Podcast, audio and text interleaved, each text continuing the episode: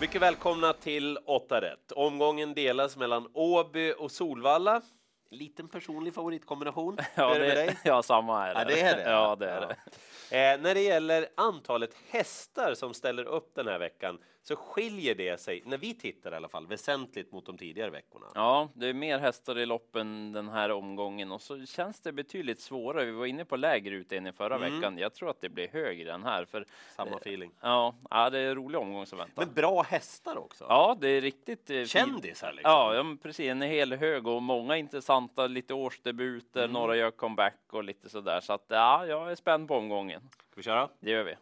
Ja, välkomna till oss. Vi börjar på Åbytravet och en favorit som heter Mr Donald och körs av Carl-Johan Jeppsson och tränas av Björn Goop. Ja, Mr Donald är en okej häst. Men, Men- det låter som rött. Ja, men han är ju mycket sämre än 12 Västerbo Lexington. Ja, Västerbo Lexington, det är ju en kanon för jösse namn. mm. Eh, ni minns väl va, när Kim Eriksson vann med hästen just på Åbytravet för tre starter sedan?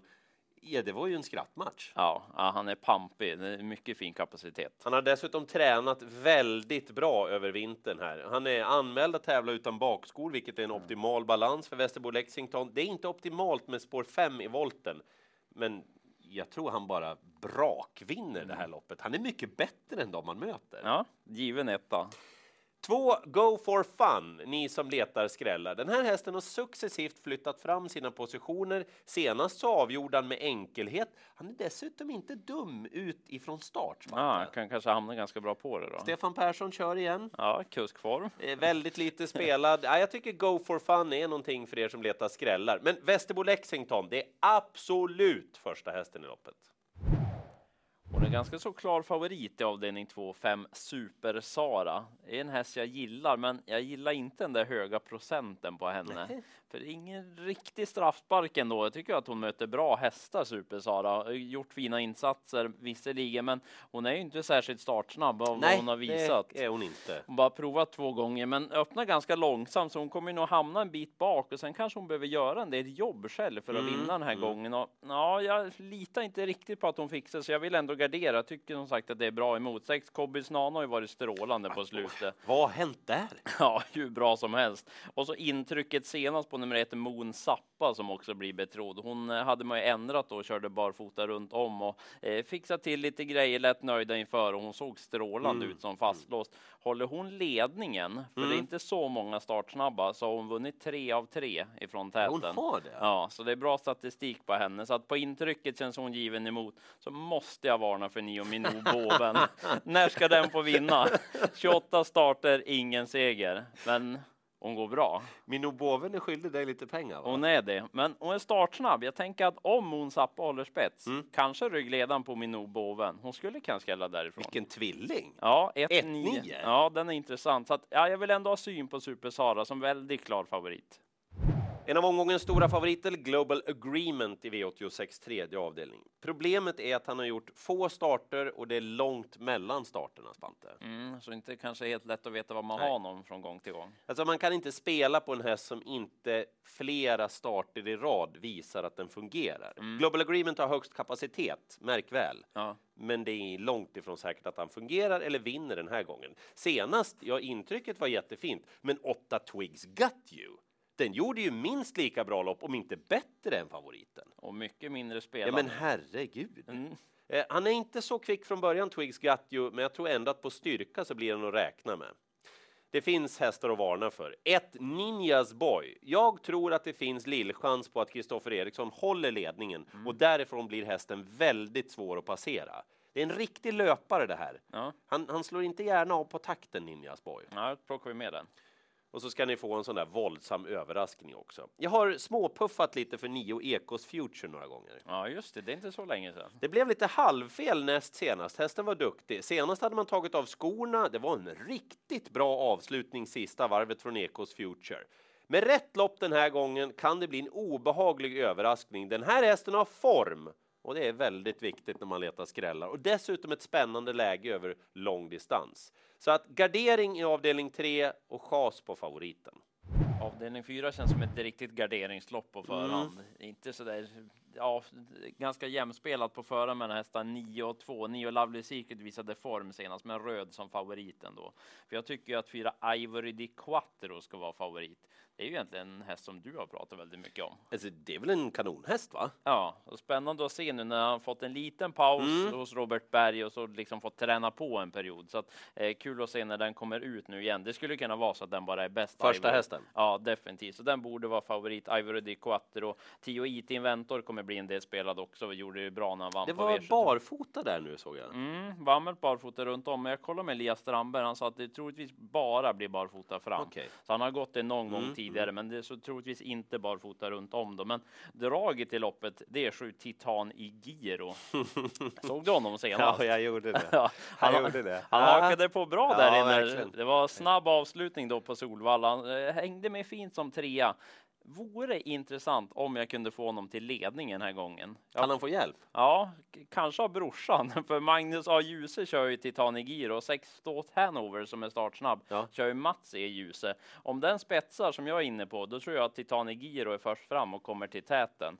Där hade han varit spännande. Han har vunnit tre av fem gånger han har gått i ledningen och så bra form. Och så den där Magnus A. Djuse. Ja, han. Ja, så att eh, mm, under 10 procent, det lockar mig. V86 femte avdelning, det är kort distans, det är autostart. Klar favorit är Il Duce Bocco nummer fem, det är ju en kanon. Mm. Problemet för Il Duce det är att han har spår utvändigt av en annan kanon. Så du tänker ta ställning emot, hör Jag jag. spikar fyra Vikens High Yield utan att blinka. Mm. Han avslutade i 04 fart senast i Halmstad. Gången innan när Robert Berg körde själv så blåste han till täten från spår två bakom startbilen. Det är svårt på Åbytravet. Mm, bättre med fyra. Och jag pratade med Robert Berg också. Han sa han, han var inte riktigt med på att han liksom skulle jaga iväg bakom startbilen då, utan Robert fick liksom säga ja, men vi ska springa fort här. Mhm. Han kan öppna betydligt snabbare än vad han gjorde då och jag tror ändå det räcker. Ja, just det. Eh, Han såg smällfin ut då och han såg även senast och dessutom har han varit väldigt fin efteråt. Det är väldigt många plusfaktorer på fyra Vikens High Yield. Ja, men Franklin Face då, säger ni? Mm. Jo, jo, men säg då att Franklin Face kommer förbi. Ja, men då har jag ryggledaren på Vikens High Yield i värsta, värsta fall. Mm. Ja, just alltså. det. Mm.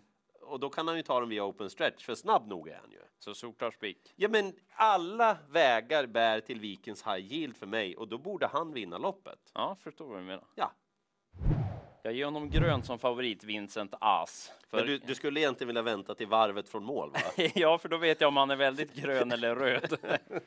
för det var ju lite så i årsdebuten i fjol. Han kändes väldigt chanslös vid varv, med varvet kvar. Väl, han var ju, det var omöjligt, han kunde ju lika gärna ha åkt hem. Ja, men sen så tog han i till slut Ja. och avgjorde lätt den sista biten eh, och har väldigt bra kapacitet. Stallet håller ju den här som en lika bra häst kapacitetsmässigt i stort sett som Velvet Joe.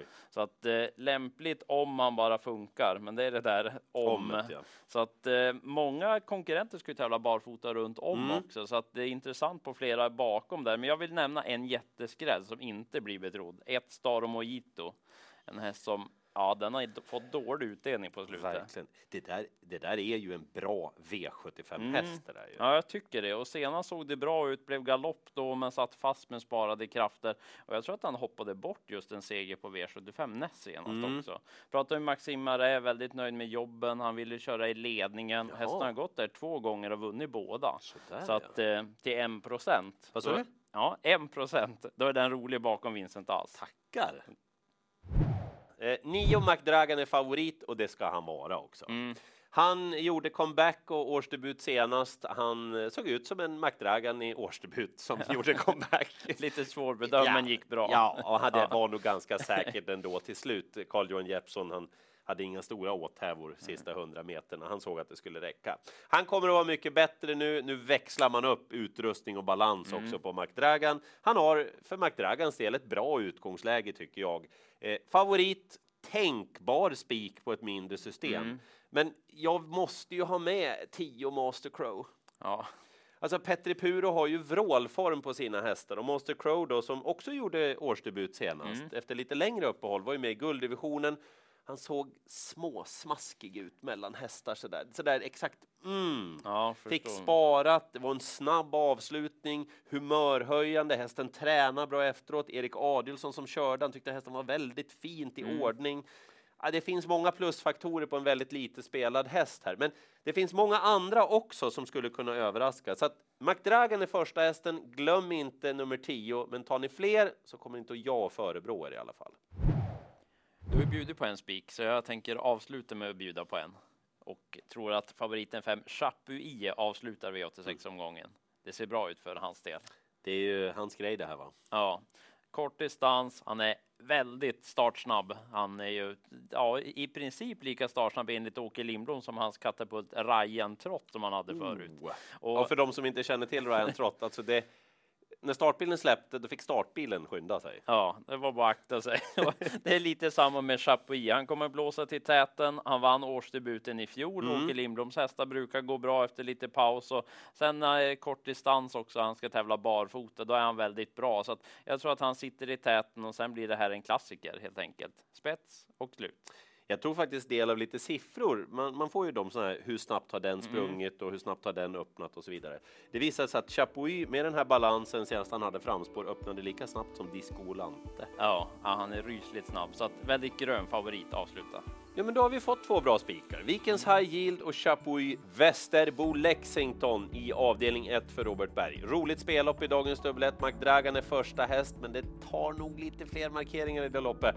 Och så akta er lite för Global Agreement. Han kanske vinner, men det finns många osäkerhetsfaktorer. Ecos Future. Ja, noll procent. Ja, och låg procent även på Minou Boven i avdelning 2. Kanske kan vara dags för första seger med rätt lopp. Och så tycker jag att Titanic Giro i avdelning 4, mm. häst nummer 7, är mest intressant i omgången. Och på ATG Sport hittar ni ytterligare spel till V86, till exempel vilken kusk kör in mest pengar i V86 Åby respektive Solvalla och vad ger V86? I övrigt önskar vi lycka till i jakten på 8 rätt.